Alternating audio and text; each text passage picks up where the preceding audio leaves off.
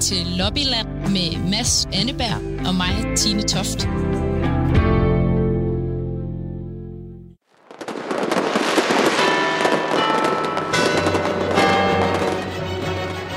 Jeg er initiativtager og præsident, og formentlig også eneste medlem af den officielle Freddy Black Fanklub. Og jeg kan huske, at jeg havde et møde, hvor jeg skulle tage mig af, af Ted Kennedy. Så kiggede han på mig og sagde, unge mand, har I ikke en bar i parlamentet? Og jeg sagde, hvis du vil have noget at drikke, går det med mig, så går du med ned på toilettet.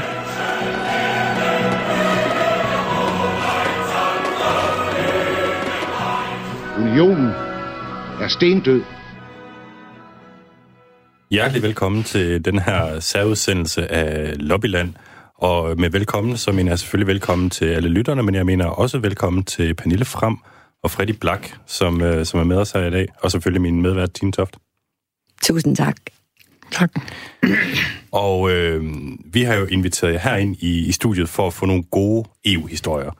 Øh, Pernille, du har siddet i Europaparlamentet i fem år, fra 99 til 2004. Ja. Freddy, du har siddet der fra 89 til 2004. Det bliver 15 år i alt.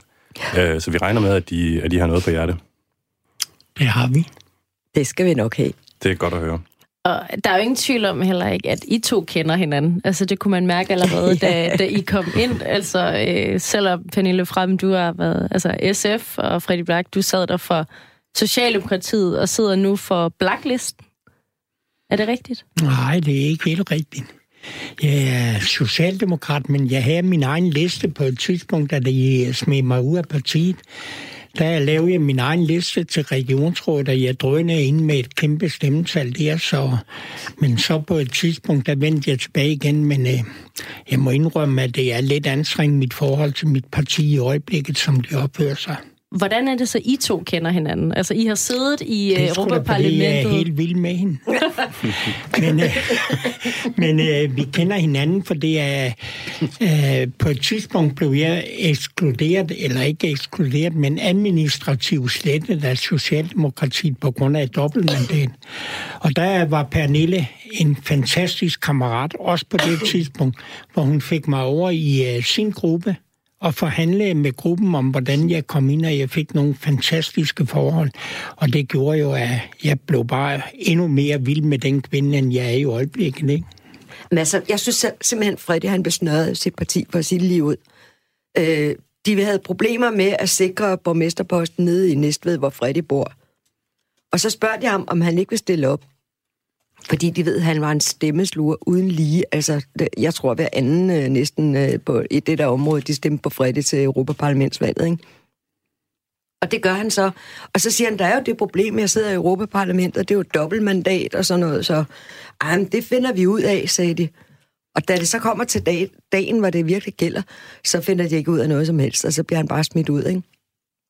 Da, han så, da han så står i den situation, så er det jo sådan nede i Europaparlamentet ved, øh, midt i perioden, og det var lige netop der 1. januar, hvor han også skulle øh, blive medlem af byrådet i Næstved.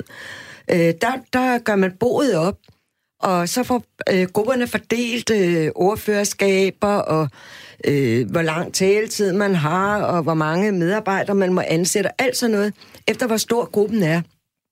Og Freddy, han går pæn og ordentligt, som han er, til sin formand der i Socialistgruppen og siger, hvis nu jeg bliver smidt ud af Socialdemokratiet, kan jeg så stadigvæk være medlem her? Og hvad var svaret? Præcis det samme, som hans eget parti gav ham. Det finder vi jo ud af, Freddy, ikke? Og jeg tænkte, ej Freddy, det gør du bare ikke, det der. Og så gik jeg til min formand og sagde, Må jeg, øh, kan jeg tilbyde Freddy noget, hvis han vil være med hos os? Jeg spørger, hvad han vil have, sagde han så. Og så gik jeg ned og snakkede med Freddy og spurgte, om det ikke var en god idé, at han ikke lod sig snøre endnu en gang Øh, de der idioter, for at sige det lige ud. og så øh, ville han, øh, han ville gerne være øh, medlem af budgetkontroludvalget.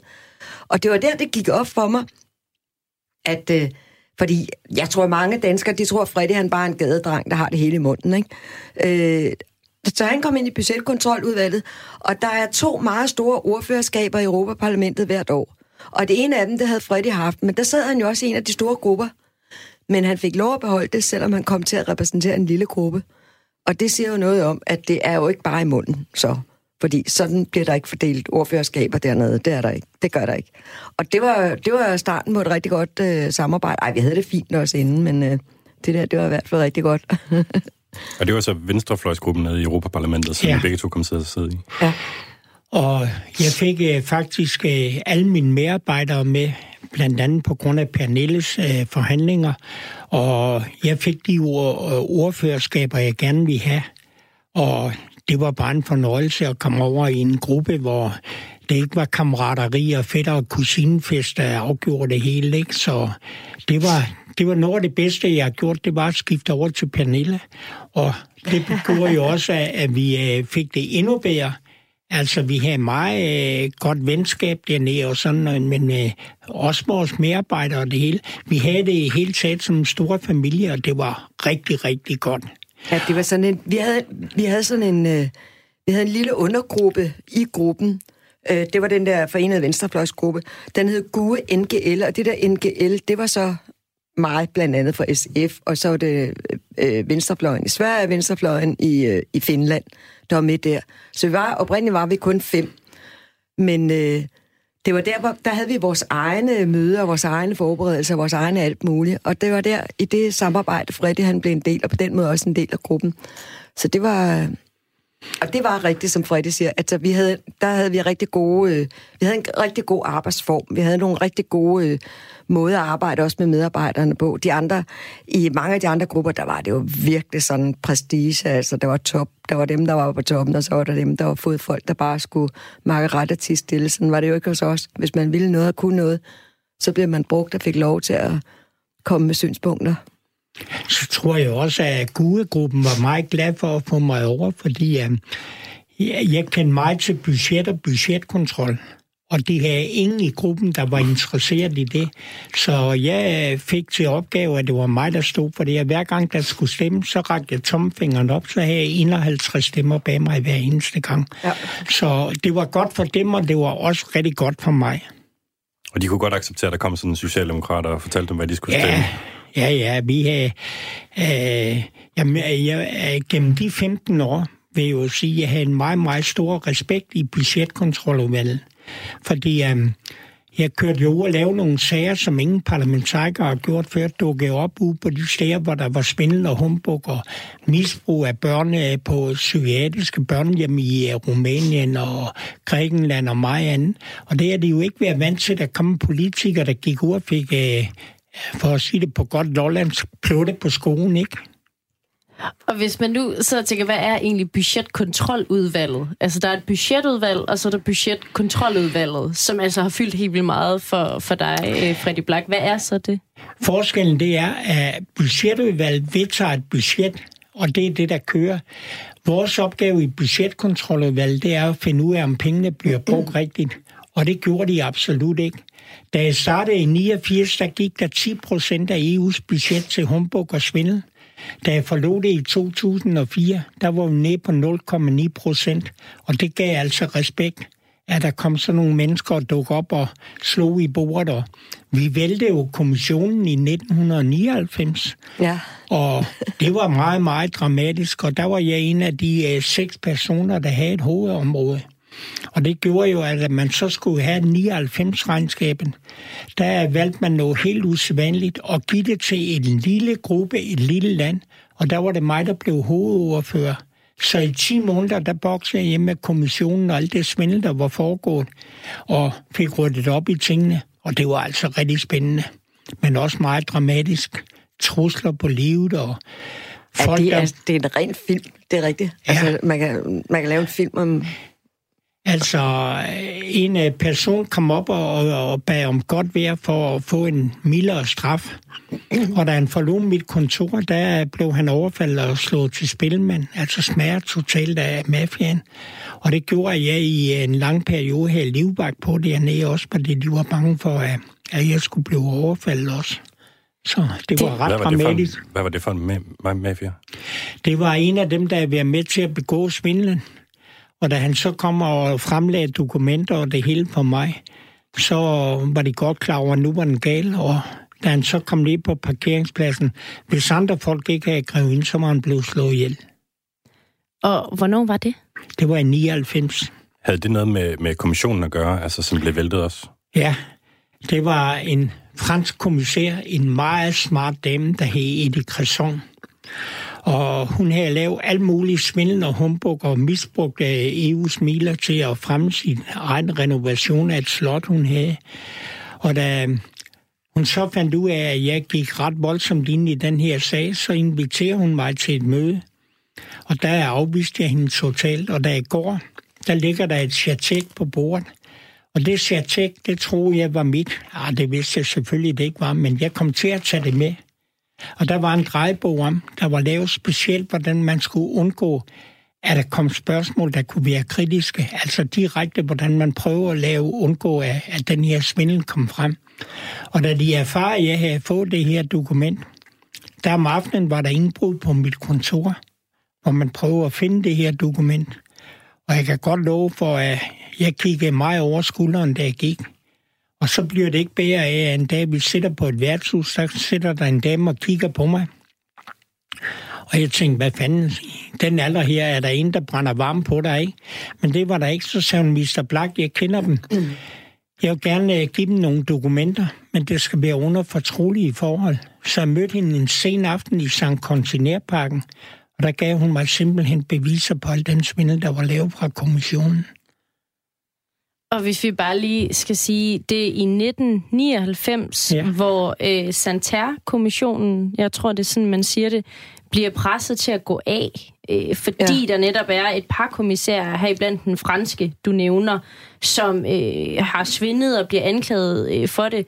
Og det er faktisk noget, vi også øh, har talt om i det tidligere særprogram, vi har lavet øh, her i Lobbyland, fordi vi jo havde Rit Bjergård med, som faktisk også sad i den kommission, der blev presset til at gå af. Så det er ja. lidt af et voldsomt år, det der 1999. Det var det meget var, det dramatisk. Var det var samme, ja. Jeg kan give det mig kontant den 13. marts 1999. Der indkalder Oscar Lafontaine, økonomiministeren i Tyskland, han gik så af samme aften, og der kom anden minister til et møde, hvor vi oprettede Olaf. Det er Morten Messersmiths gode venner. Øh, det er dem, der tjekker, om øh, der er blevet gået svindel med EU-midler. Desværre så kan det ikke retsforfølge det. Så det er de danske myndigheder, der skal finde ud af at retsforfølge Morten ja. Messersmith. Men det, der så sker om aftenen, det er, at øh, Anita Gradin, den svenske kommissær, med, og så siger hun, Fredde, jeg kører dig hjemme i aften. Og så siger jeg, det behøver du Jamen, det gør jeg. Så gav hun mig den fortrolige rapport, der en dag efter vi blev offentliggjort. Og der havde de, da de vidste, at jeg ikke kunne fransk, havde de oversat det til mig. Med det resultat, at jeg havde rapporten og læste den hele natten. Og den 14. marts går jeg til gruppeformen og øh, fortæller, nu kommer den her, og det er altså rigtig galt.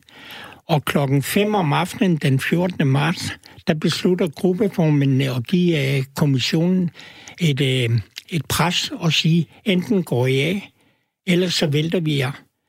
Og klokken 0.43 den 15. marts 1999, der kommer Santerre gående ned ad trappen og meddeler, at kommissionen trækker sig. Og det, det var ret dramatisk, og hele natten igennem, der jagtede journalister mig, fordi de vidste, at jeg havde rapporten. Det eneste sted, de ikke søgte, det var op på mit kontor. Min lejlighed var bombarderet dernede, og der lå jeg og sov op på kontoret, så jeg havde det dejligt fredeligt, og næste morgen, der skal jeg så ellers slå for det hele eksplodere. Men der havde jeg jo blandt andet støtten i Pernille også.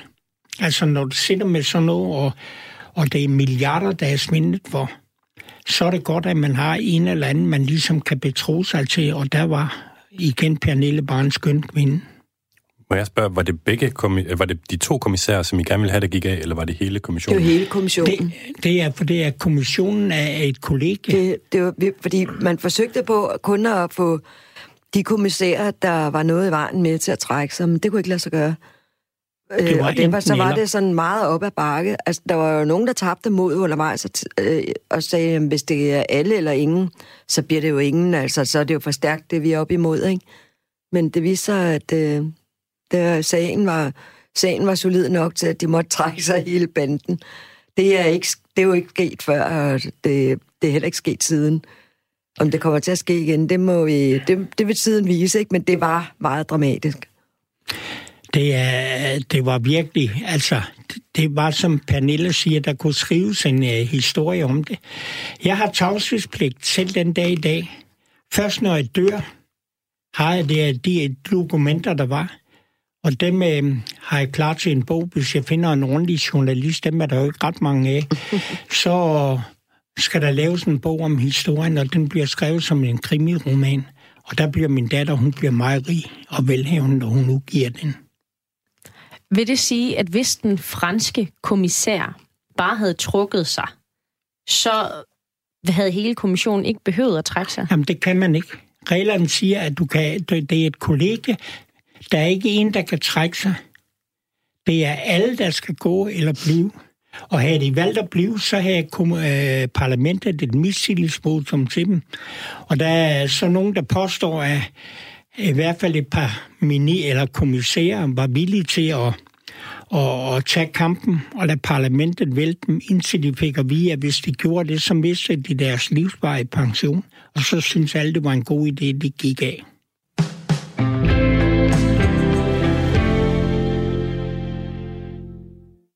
Det, det, nu, nu fortæller Freddy den her historie, og jeg kan, jeg kan jo se på jer, og jeg er sikker på, at der også sidder nogen derhjemme og tænker, åh, oh, wow, det øh, er der sådan noget, der foregår, ikke?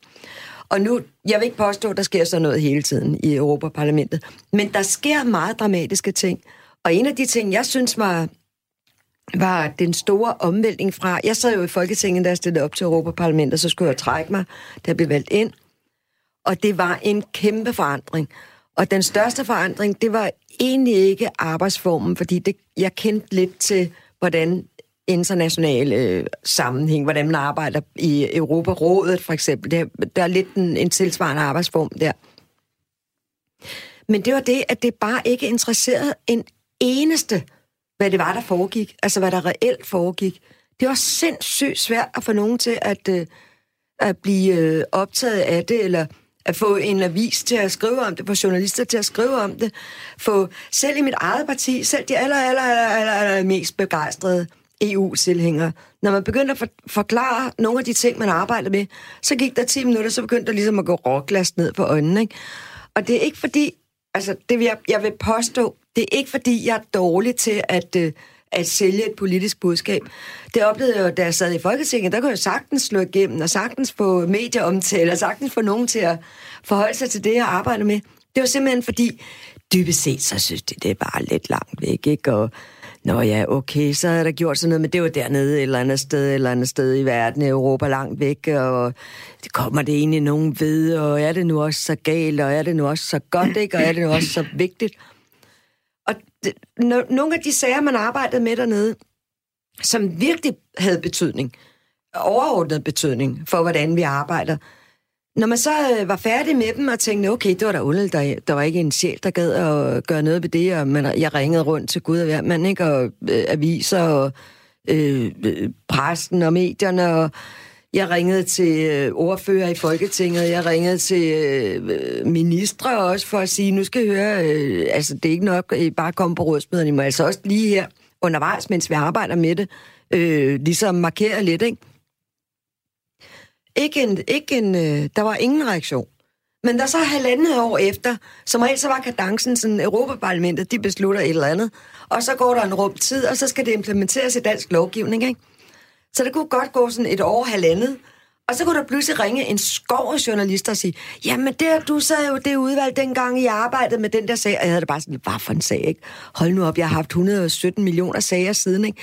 Ja, du stillede jo de der spørgsmål, og du lavede de der ændringsforslag, du gjorde sådan og sådan og sådan. Gjorde jeg det? Altså, kunne virkelig grave, grave, grave, ikke? Fordi det var noget, man, man, man havde virkelig haft 1700 interessante sager siden, ikke? Som man virkelig havde arbejdet på højtryk med. Og så skulle jeg så ind i bunkerne og grave, grave, grave ned i det og finde ud af den der mappe der. Nå ja, det er rigtigt, der var... Og sådan, åh, det var sådan, det foregik, og det var på den måde der, ja. Og så kunne jeg jo altid starte med at sige, jeg ringede faktisk til dig dengang. Det brød jeg. Jeg brød på at få dig til at interessere dig for det dengang, ikke? Og så blev det sådan lidt mere, ja, men lad, lad os nu tage den, ikke? mm. øh, men det, jeg ville sige før, det var, at jeg har fundet et citat fra dig, øh, Pernille, hvor, hvor du siger øh, til, til altinget, at øh, I havde diskuteret det i jeres gruppe, og I var blevet enige om, at den eneste måde, man kunne få medieomtale på øh, nede i Europaparlamentet, det var enten ved at tage kassen, eller ved at svine sit eget øh, parti til. Ja, lige præcis. Lige præcis. eller, ja, det der med at tage kassen, eller finde nogle andre, der tog af kassen og snakke om det, ikke? Og det var det, Freddys øh, område, det var jo dem, der tager kassen, ikke? Ja. Men mit område, det var jo, hvad skal blive lovgivning? Altså, hvad skal blive øh, til regler for Europa? Det var bare håbløst. en af de ting, vi jo også lige skal til, det er, at vi også har en hilsen øh, fra Bertel Hårder øh, til dig, øh, Fred. Jamen, jeg glæder mig til at høre det. Kan det passe, Bertel Hårder, at du har skrevet en sang til Freddy Black? Ja, og han er jo fra Lolland. Og øhm, der er jo en lollandsk sang, der hedder, der handler om roerne, og de grå, og de grå, og de grå. Og det her, det var jo Freddy Black, som var lidt fyldig. Så omkvædet, det var, og han grår, og han grår, og han grår. og så var det også, da man begyndte at tale om klimaforandringer og havstigninger, så var den illustreret af et billede, der viste Lolland, hvis havet steg to grader. Og der var altså ikke øh, to meter, og der var altså ikke meget tilbage. Og den elskede han. Altså, Freddy Black skal I bare få til at fortælle nogle sjove historier. Dem har han mange af. Det er hørt. og vi er allerede godt i gang jo. Øh, hvis jeg lige må have lov, så tror jeg lige, jeg vil prøve at spille et øh, ganske kort klip fra den sang, vi, vi taler om her.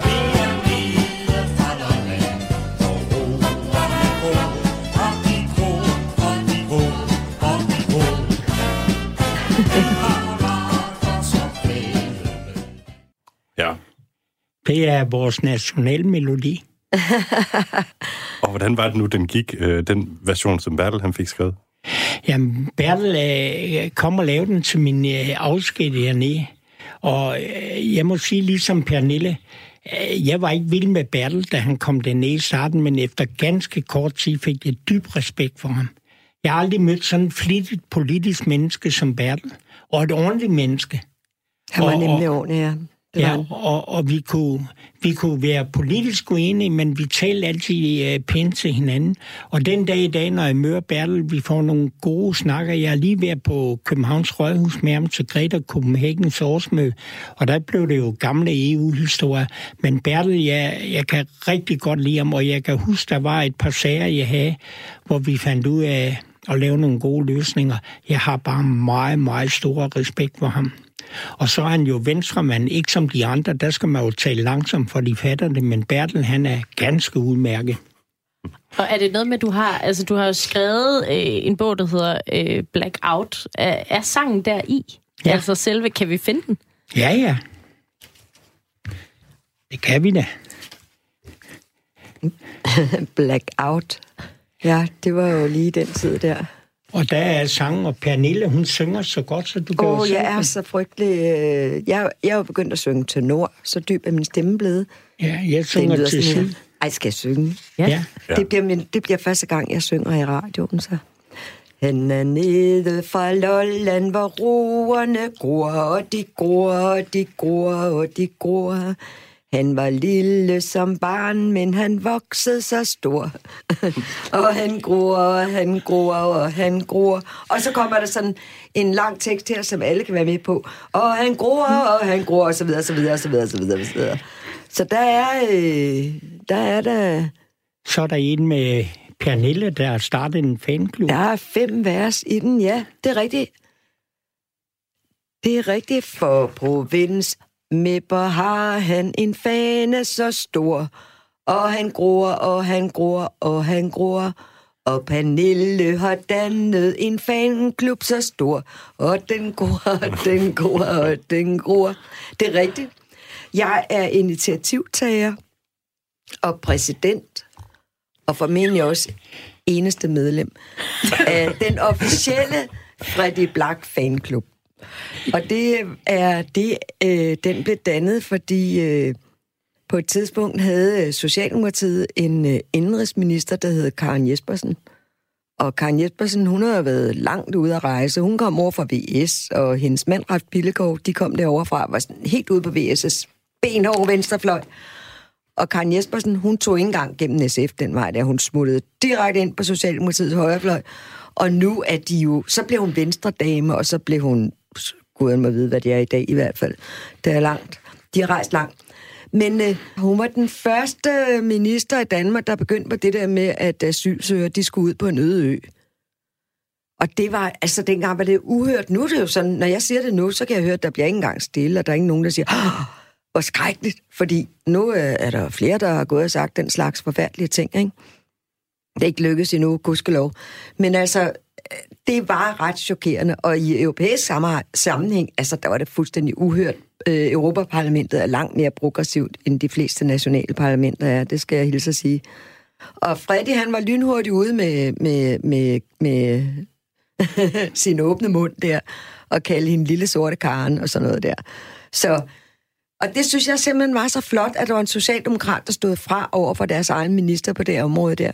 Så jeg tænkte, det skal han simpelthen have en gave for. Så jeg indkaldte ham og alle hans medarbejdere og mine medarbejdere, alle de andre medarbejdere, der var i den der NGL-gruppe, og alle de andre mæpper, der kunne komme til champagne nede i tinget, eller nede i, øh, hvad hedder det, den der medbar Og så stiftede vi Freddy Blacks fanklub. Men øh, vi har ikke holdt så mange møder. Men den, men vi, den lever i ånden. Det er altså heller ikke det eneste, du har med, øh, Freddy, øh, fra din bog, fordi du har jo faktisk også skrevet en anden bog. Ja, jeg har lavet mange bøger. Jeg har faktisk lavet 15 øh, bøger. Her tænker jeg jo så specifikt på, på den nederste der. Vil ja. du lige læse op, hvad der står på forsiden? Der står 25 øloplevelser i Bruxelles med Freddy Black. Og det blev en bestseller. Den er blevet solgt i over 5.000 eksemplarer. Og folk, der skulle derned, de havde den i inderlommen, og så besøgte de restauranterne og prøvede de der forskellige øl. Og det, der ramte jeg plet med noget der. Og kan du lige bare sige din allerbedste favorit herfra, altså de 25 af øloplevelserne i Bruxelles?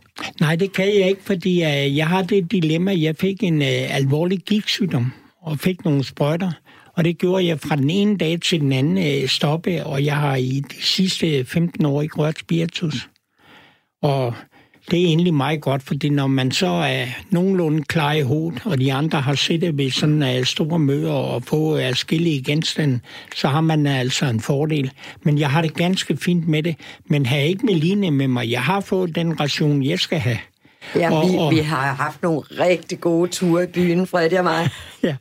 Men uh, uh, bus uh, er en meget, meget spændende øl. Den er, uh, juleølen er 14 procent, og jeg kan huske, at jeg havde et møde, hvor jeg skulle tage mig af, af Ted Kennedy. Og så på et tidspunkt spørger han, om jeg ikke har noget at drikke, så siger jeg, at jeg kan lave noget kaffe, og så kigger han på mig og sagde, unge mand, har I ikke en bar i parlamentet? Så sagde jeg, den er ikke åben, men hvis du vil have øl, så går det med mig. Eller jeg sagde, hvis du vil have noget at drikke, går det med mig, så går det med ned på toilettet. Og han kiggede helt forvildet på mig. Så var der en nødgang, den åbnede, og så gik vi over på Plads Jordan, og der skal jeg edderbak med lov for, at han fik smagt belgisk øl. Så der, da sikkerhedspotten er let efter Kennedy over i parlamentet, så siger han tolk, at han sidder og drikker bare med Freddy Black over på Plads Jordan. og så skal jeg ellers lukke, hvor pladsen blev ryddet, og så trillede man ham hjem. Og der var det altså mig, der førte 1-0. Så var jeg i Washington, og der blev jeg inviteret ud og spise med ham. Og der skulle vi så smage bourbon, og der blev stillingen 1-1. Der er mange ting at følge op på her, men altså, øh, Plads Jordan, det er jo en dejlig plads nede i Bruxelles, øh, hvor også, så vidt jeg husker, Angela Merkel, hun har været nede og fået nogle pomfritter på et tidspunkt. Ja, der kommer jo mange mærkelige mennesker dernede. Der kommer præsten, der står deroppe, der kommer skolelæreren, der kommer parlamentsmedlemmer, der kommer øh, børn, fordi der er en pomfritrestaurant, og den har været i Michelin-guiden. Og derfor er den jo ret speciel. Og så ligger der et værtshus over på, det var vores stamcafé, der hed First. Og i øvrigt var det der, at af den svindel blev afsløret ved hende, den dame, der kommer og afleverer de her dokumenter. Så hver gang jeg er i Bruxelles stadigvæk, så tænker jeg på den aften, da hun sagde og stiger på mig, og jeg tænkte, hold da kæft, en mand i din alder kan stadigvæk score, men det var altså noget andet, der, der var årsag til det. Det var altså på den bar, der hedder First? Ja. Eksisterer den sted? Jeg synes ikke, jeg kan... Ja, ja. Jo, jo, den uh, ligger lige på hjørnet. Den og... ligger over for den lille... Der, der ligger en bager. Den ligger ja. over for bageren over for pomfritbaren. Det, det er ligesom at komme hjem igen. Altså, Bruxelles, det er, det er simpelthen mit andet hjem. Jeg elsker bare Bruxelles, det er... De 15 år, jeg var der, det er simpelthen den bedste tid i mit liv. Nu er jeg jo selv, øh, jeg har selv boet i Belgien og er stor, stor fan af belgiske øl. Har du været ude at smage den, der hedder Vestfleteren, som man får ude på klosteret? Ja, der... det har jeg. Og jeg har også holdt derude og ventet øh, på, at de åbner. Og så i dag sagde de, i dag kan I få 8 øl, eller I kan få 10 øl. Og så kørte man lidt længere op ad vejen, så holdt de at have åbnet bagsmækken. Dem, der ikke fik, så solgte de ølene til en overpris. Det er jo en af, af af de øh, syv øh, forskellige øl, man har dernede, specialøl, der er lavet under opsyn af, af klostre. Ja, man siger jo, det er verdens øh, bedste øl, simpelthen, den Vestfleteren der. Ah, det, det er ikke helt rigtigt, men den er vældig god. Jeg vil sige det på den måde. I Belgien er det en dyresøl. Ja, fordi hvis man kører ud i klosteret og henter den, så er den jo ikke så dyr, men, øh, men så fordi de producerer så få af dem, så når man køber dem, for eksempel, så jeg var på Rigsras øh, i Aarhus her forleden, og så kan man købe en flaske til 190 kroner, hvilket er helt vildt. Ja, det er det ikke. Jeg er lige øh, kommet hjem for ganske få timer siden lande fra Dubai. En dårlig Heineken-øl, den giver man langt over 100 kroner for dernede, så, så det kan ikke chokere med ølpriserne, men dem, der drikker det, de kan jo bare betale ved kasset. Det er rigtigt. Du har også fortalt os, at du faktisk lige har været til et andet møde i en anden klub. Hvad er det for en klub? Det er Provinsforeningen mod Københavneriet. Og det var, da Niels Busk var blevet nyvalgt. Han er landmand op fra Venstre, op fra Nordjylland. Og jeg var blevet genvalgt. Så fandt vi ud af, at vi var de to eneste, der var fra provinsen. Og så ville vi gøre noget ved det der københavneri. Og så lavede vi en forening, der hed Provinsforeningen mod Københavneriet. Men for at vide, hvad en københavner er, så skulle vi jo have en københavnersnop med. Og der fik vi så Ole Andreasen. I kender fra Matador Resumeter. Og, og også Ole, han var jo øldirektør i 23 år, og blev i øvrigt en skandal for Venstre, da han kom ned i parlamentet. For efter seks måneder blev han opereret, og der havde han vand i knæet. Det er fandme da ingen god reklame på et bryggeri. Men øh, så skulle vi have Ole med som konsulent for, hvordan Københavner er. Og så skulle vi have Anne Jensen med, for det der skulle være en, der kunne lave kaffe og skrive referater. Så vi dannede sådan en forening. Og vi har holdt sammen i 20 år. I dag er det 20 år siden, vi var til startet den første julefrokost sammen. Og det er bare et fantastisk venskab. Og vi har overvejet at tage Pernille med, men så skal det være som gæstetaler. Så jeg håber, vi næste år har dig med. Og så skal du synge. Pernille sang jo altid de røde sange, når vi havde på sådan en festlig lag, når jeg ser et rødt flag smelle. Og så sang Ole Andreasen, når jeg ser en tankstation, en sjælstation brænde, ikke? Så det var sådan lige yderligheden, ikke? Men det var ikke pjat og ballade med den her forening. For det, der var mange lovforslag, hvor vi skulle bruge stemmer. Og så hjalp vi hinanden, set med danske øjne i det her. Så foreningen var faktisk øh, ret vigtig. Og hvad for nogle lovforslag er kommet igennem i kraft af provinsforeningen mod Københavneriet i Europaparlamentet? Bare sådan en sjov ting, som at der manglede fire stemmer i, at man kunne beholde skolemælken. Og der gik Niels over til mig og sagde, at jeg mangler fire stemmer, og så fik jeg fat i fire af vores og gav dem besked om, de skulle gå over og stemme, og så var den hjemme. Altså sådan har der været ting og sager. Og så Ole var jo skæg, for det er, når vi havde aftenmøder i Strasbourg, og Paul Slytter dengang sagde i formandstolen, så er man talsig, og så lukker mikrofonen. Så hvis jeg kunne se, at jeg kunne ikke nå at komme igennem min tale, så gav jeg tomfingeren op, så råbte Ole Andreasen et eller andet, som også sagde, her formand, nu ødelægger han min taletid. Jamen, så får de en ny taletid. Og da vi har gjort det 20 gange, så sagde Slytter, nu går den altså ikke længere. Hvorfor var det, Pernille ikke er blevet rekrutteret til foreningen endnu? Det var, fordi vi startede, det er, fordi inden de, hun kom. Det er, fordi de vil have mig til at skrive referater og lave kaffe, og den går jeg ikke på. der, var, der, der, der var hun lidt for skrab.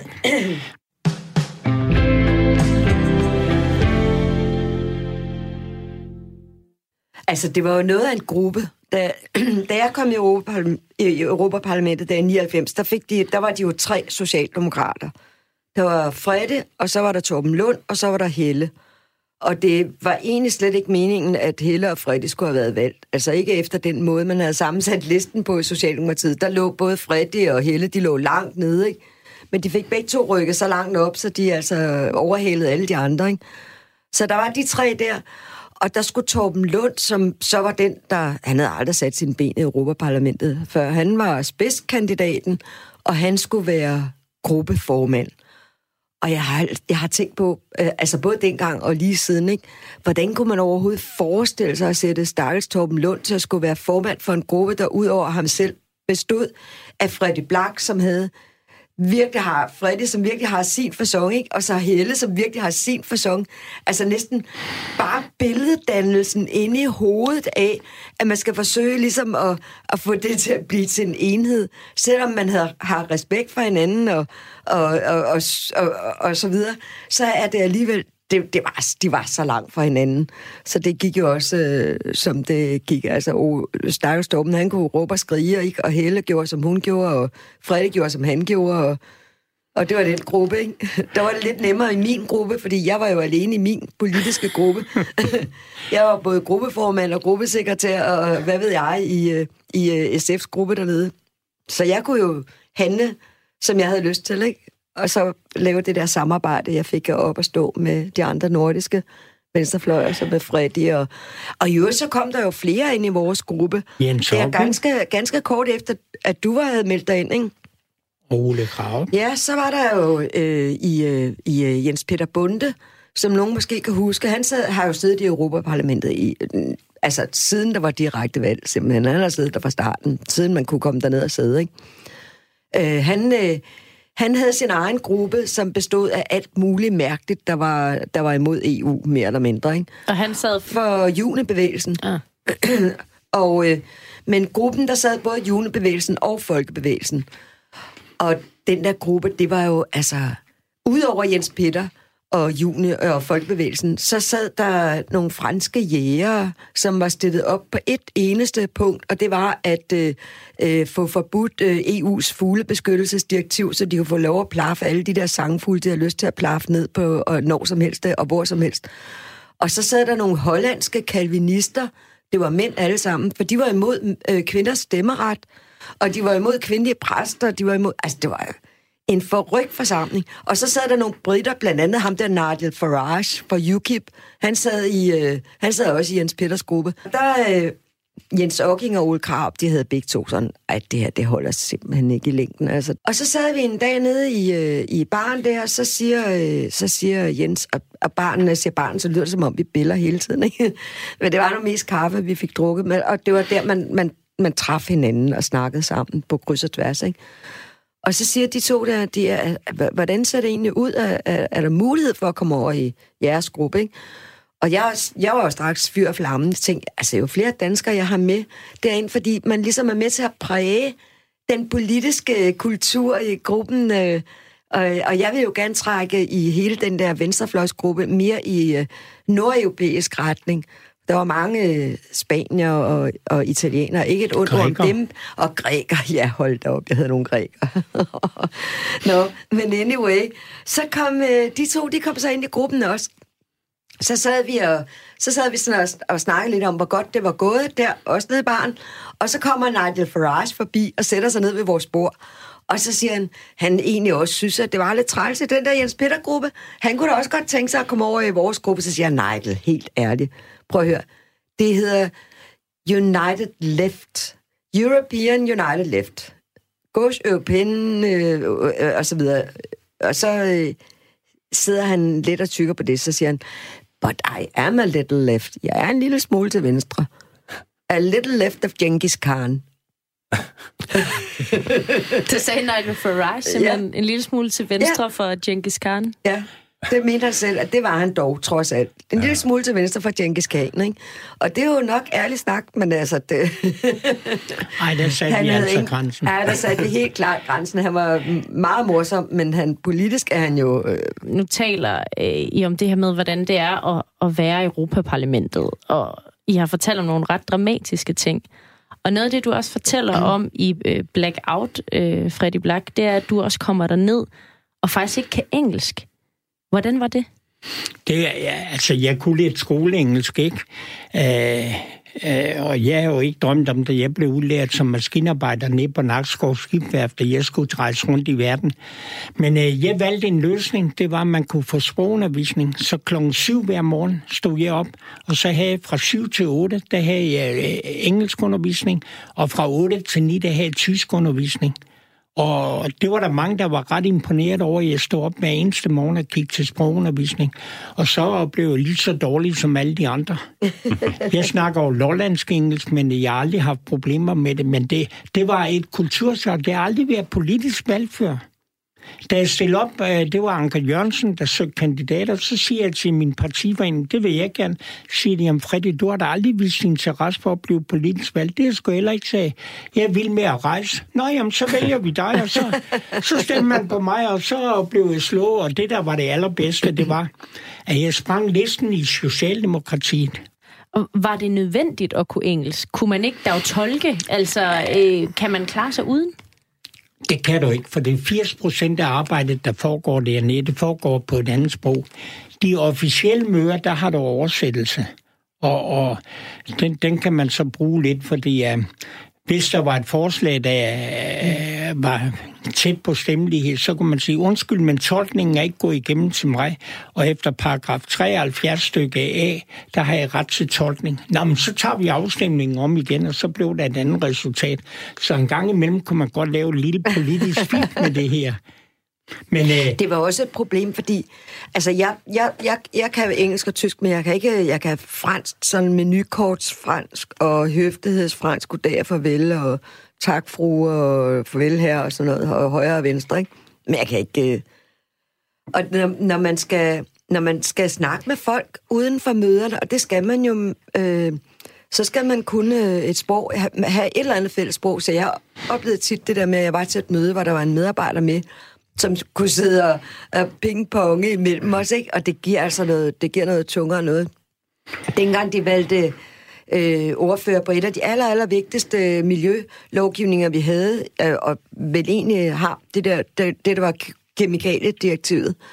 Øh, der valgte de en, en øh, ordfører, som var ekspert i øh, området, men som kun talte italiensk. Og det var simpelthen, altså det var bare så træls, fordi det betød, at der var ingen af os, der kunne komme i kontakt med ham sådan lige mødes til en kop kaffe og sige, de der tre ændringsforslag, kunne vi gøre sådan og sådan og sådan, eller jeg vil gerne have det der med også, og hvordan øh, ser du på det? Altså de der ting, man laver, når man skal have et eller andet til at fungere, når man lige mødes og lige snakker sammen, lige øh, tager hinanden efter mødet, eller før mødet, eller ned og får en kop kaffe sammen i kaffebaren, ikke? Det var håbløst. Du kunne altså have en af de der italienere med, ikke? Og de italienere, der var i min gruppe i hvert fald, der var nogle af dem, de havde jo selv politiske projekter. Så hvis jeg sad og, altså, og medarbejderne havde selv politiske projekter, ikke? så hvis jeg sad og sagde et eller andet, så kunne jeg ikke være helt sikker på, at uh, det trak i den retning. Altså, det var virkelig... Jeg altså, synes, du det var tænkte simpelthen, de måske ikke oversat helt præcist? Altså, det, jeg kunne i hvert fald se på dem nogle gange, at når jeg sagde noget, så øh, var det ikke lige sådan i øh, overensstemmelse med, hvad deres øh, italienske kommunistparti det nu gik ind for. ikke. Og derfor så prøvede de sådan lige at se, om det ikke kunne dreje sig i en eller anden retning, mens de skede til mig. Ikke? Og det, det betød, at jeg, jeg var simpelthen ikke sikker på helt, hvordan, hvordan det var. Ikke? Og det betød, det betød så også, at når jeg skulle snakke med ham der, der havde... Øh, øh, øh, rapporten, så må, jeg, så må jeg gøre det på møderne, eller gøre det gennem formanden, eller gøre det på papir, som jeg fik nogen til at oversætte, ikke? Det kunne man så bede om at få, få, få oversat ting og sager, ikke? Men det var... Altså, det er, det er en udfordring med det sprog. Der bliver gjort meget, og der er nogle sindssygt dygtige tolke i Europaparlamentet. Altså folk, der kan oversætte fra finsk til græsk, ikke? Det, dem er der, det er en lille håndfuld i den her verden, der kan det. Og gør det løbende.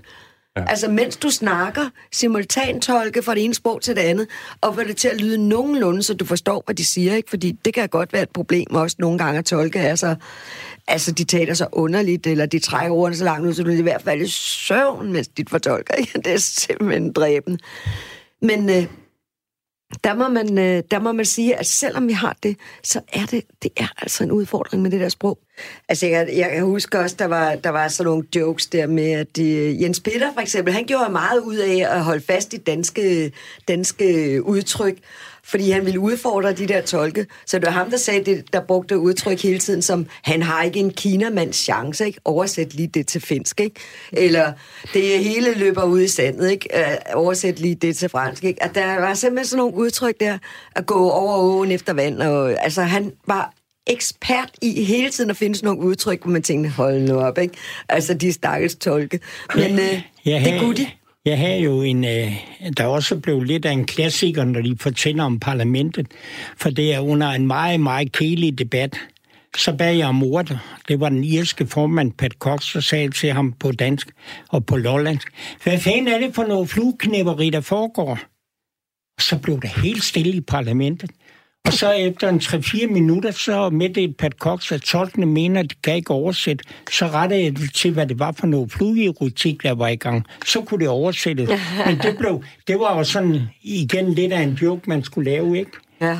Flueerotik. Det, det kunne de godt oversætte. Ja, det lyder også pænt. Så indimellem var der altså nogle ting der, man lige skulle, man skulle lige holde et vågen øre med, hvad foregik der i rummet rundt omkring en, samtidig med, at man øh, prøvede at høre efter, hvad der foregik, når de andre sagde noget. Ikke? Så, Jeg, jeg ved heller ikke helt, hvordan jeg selv ville oversætte at gå over åen efter vand. nej, vel?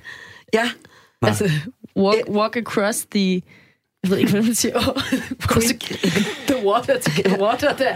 Jeg kan godt sige, nogle af de ting, I lige har sagt, vil jeg bare selv være i tvivl om, hvordan jeg lige skulle Men, lige men, men tolkene er bare sindssygt dygtige. Ja, det er det ellers. Og da den gamle cheftolk, der var der, før vi kom derned, han skulle engang oversætte en tale for Anker Jørgensen, og Anker Jørgensen var jo ikke verdensmester i engelsk. Så han talte, og han talte, og folk klappede, og det hele, og Anker tænkte, hold da op, det er øh, vildt. Så da de kom, så siger den gamle type Petersen til ham, øh, øh, jeg gav den lige lidt ekstra. Nå, sagde han. Ja, ja, så du kunne godt høre, at de blev mere begejstret, så han havde lige skruet lidt op på skærmen og, og kørt lidt, ikke? Så sagde Anker, det er helt fint, bare, der, bare jeg kan stå inden for det. Jamen, jeg har ikke lavet om på din tekst, men den, den blev bare pænere, ikke? Nå, ja. øh, det her det er jo et særligt højtidsprogram, øh, program, som skal sådan lidt øh, indfange både jul og nytår. Jeg tænkte på, om vi lige skulle tage sådan en lille omgang. Øh, Jeg tror, du nævnte det før, Pernilla, at de havde været til nogle sjove julefrokoster nede i ja. Bruxelles. Ja. Må vi ikke lige høre lidt mere om det? Jamen, øh, det, jeg ved ikke, hvor meget... Altså, vi fik 1200 for de tomme flasker. Ja, men vi havde jo... Altså, man har jo ikke så meget socialt liv dernede, fordi man er væk fra hjemmefra. Så det sociale liv, man har dernede, det er jo med hinanden.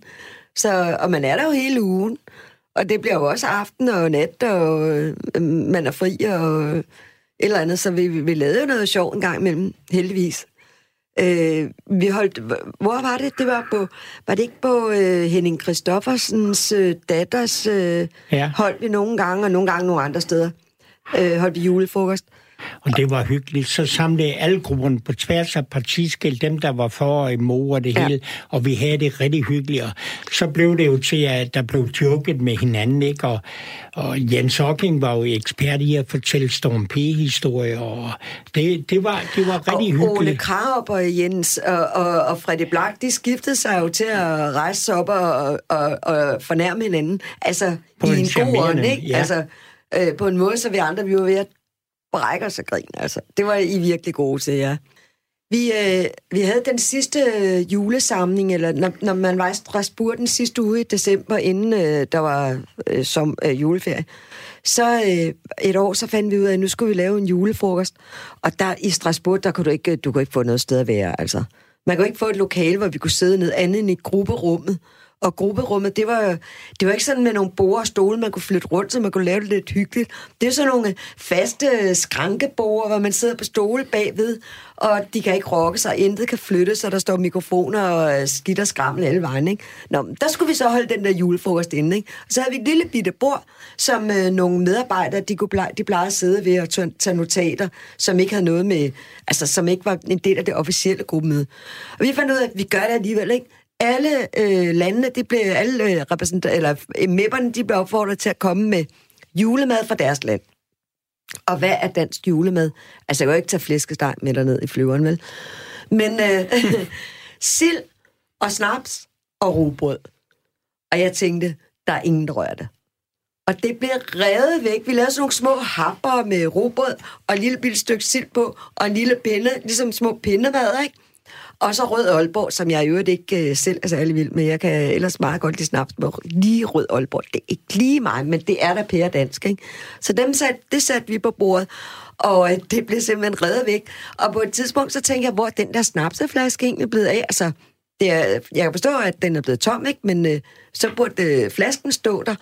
Øh, til gengæld så stod der en dejlig flaske Calvados, som franskmændene havde haft med, ikke? og den var der næsten ikke rørt ved. Så jeg tænkte, den ryger lige op på mit øh, kontor, som mig og medarbejderen, vi kan lige sidde der en aften og få vendt verdenssituationen og livet og alt det der. Mens den der snaps, den er jo bare væk. Så fik jeg øje på en af de der grækere, som Freddy lige nævnte før. Så gik han rundt med den der røde Aalborg under armen. Og så havde han sådan et drikkeglas, som det, jeg har her. Sådan et rigtig almindeligt vandglas. Og så gik han så helt lige op i det, op sådan som jeg ville hælde vand op, ikke? Og så gik han ellers der glødok, glødok, ned med, ned med det, stort set i to slurke, ikke?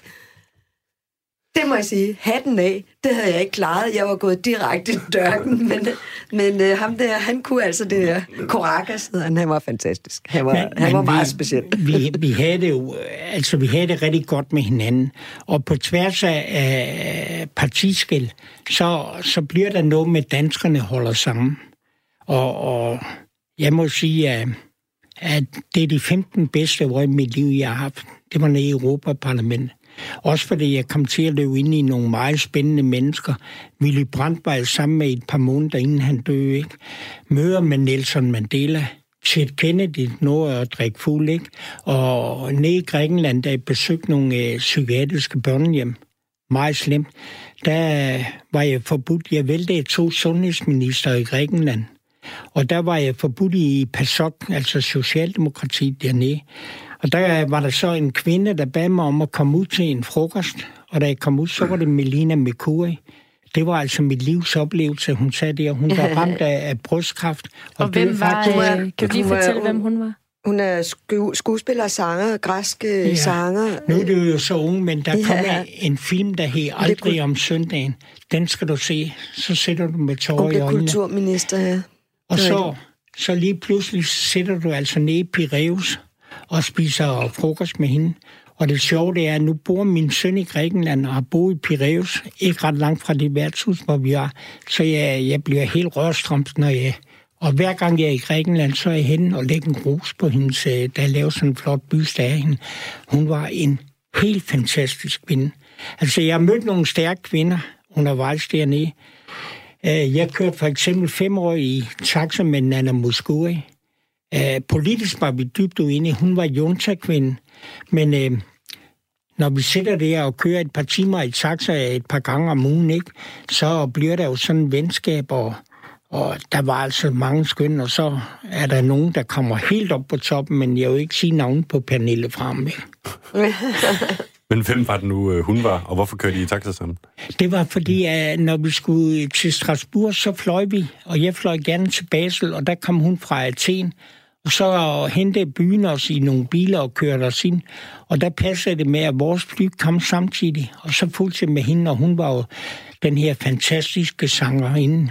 Vi Rose fra Athen og Only Love og alt det her. Og så var jeg til en koncert i Ringsted, øh, hvor jeg så hende. Så opdager hun mig dernede. Og så stopper hun og siger, der sætter min ven Freddy Black, ikke? Altså, det var, det var sgu rørende, ikke? Der er øh, en lille ting, øh, jeg godt kunne tænke mig, vi gjorde, nu hvor vi vidste også er gået en lille smule over tid. En lille smule, ja. Øhm, og det er, der er nogle flere vers i den der sang. Er det ikke rigtigt? I, oh, øh... ah, nu, nu ikke mere Freddy Black nede på Lolland. det er langt som et ondt år. uh, jeg vil sige det på fem den år. måde, at fem, på, fem vers. På, på et tidspunkt, der snakkede man om at løsrive Lolland, og så ville man gøre mig til præsident, men jeg mente, jeg var blevet for gammel. Så hvis jeg spørger jer, om I vil synge de sidste vers sammen, hvad siger I så? Jamen, jeg synger på sidste vers, så det lyder ikke særlig godt. Det skyldes den alder, jeg nåede op i, ikke? Ja, Freddy, kom nu. Godt. Det gør vi. Altså øh, Pernille Frem her, som har siddet i Europaparlamentet for SF. Freddy, Freddy Black, øh, som har siddet øh, for Socialdemokratiet. Og det er altså en sang, som Bertel Hårder selvfølgelig har, har skrevet. Ja. Værsgo.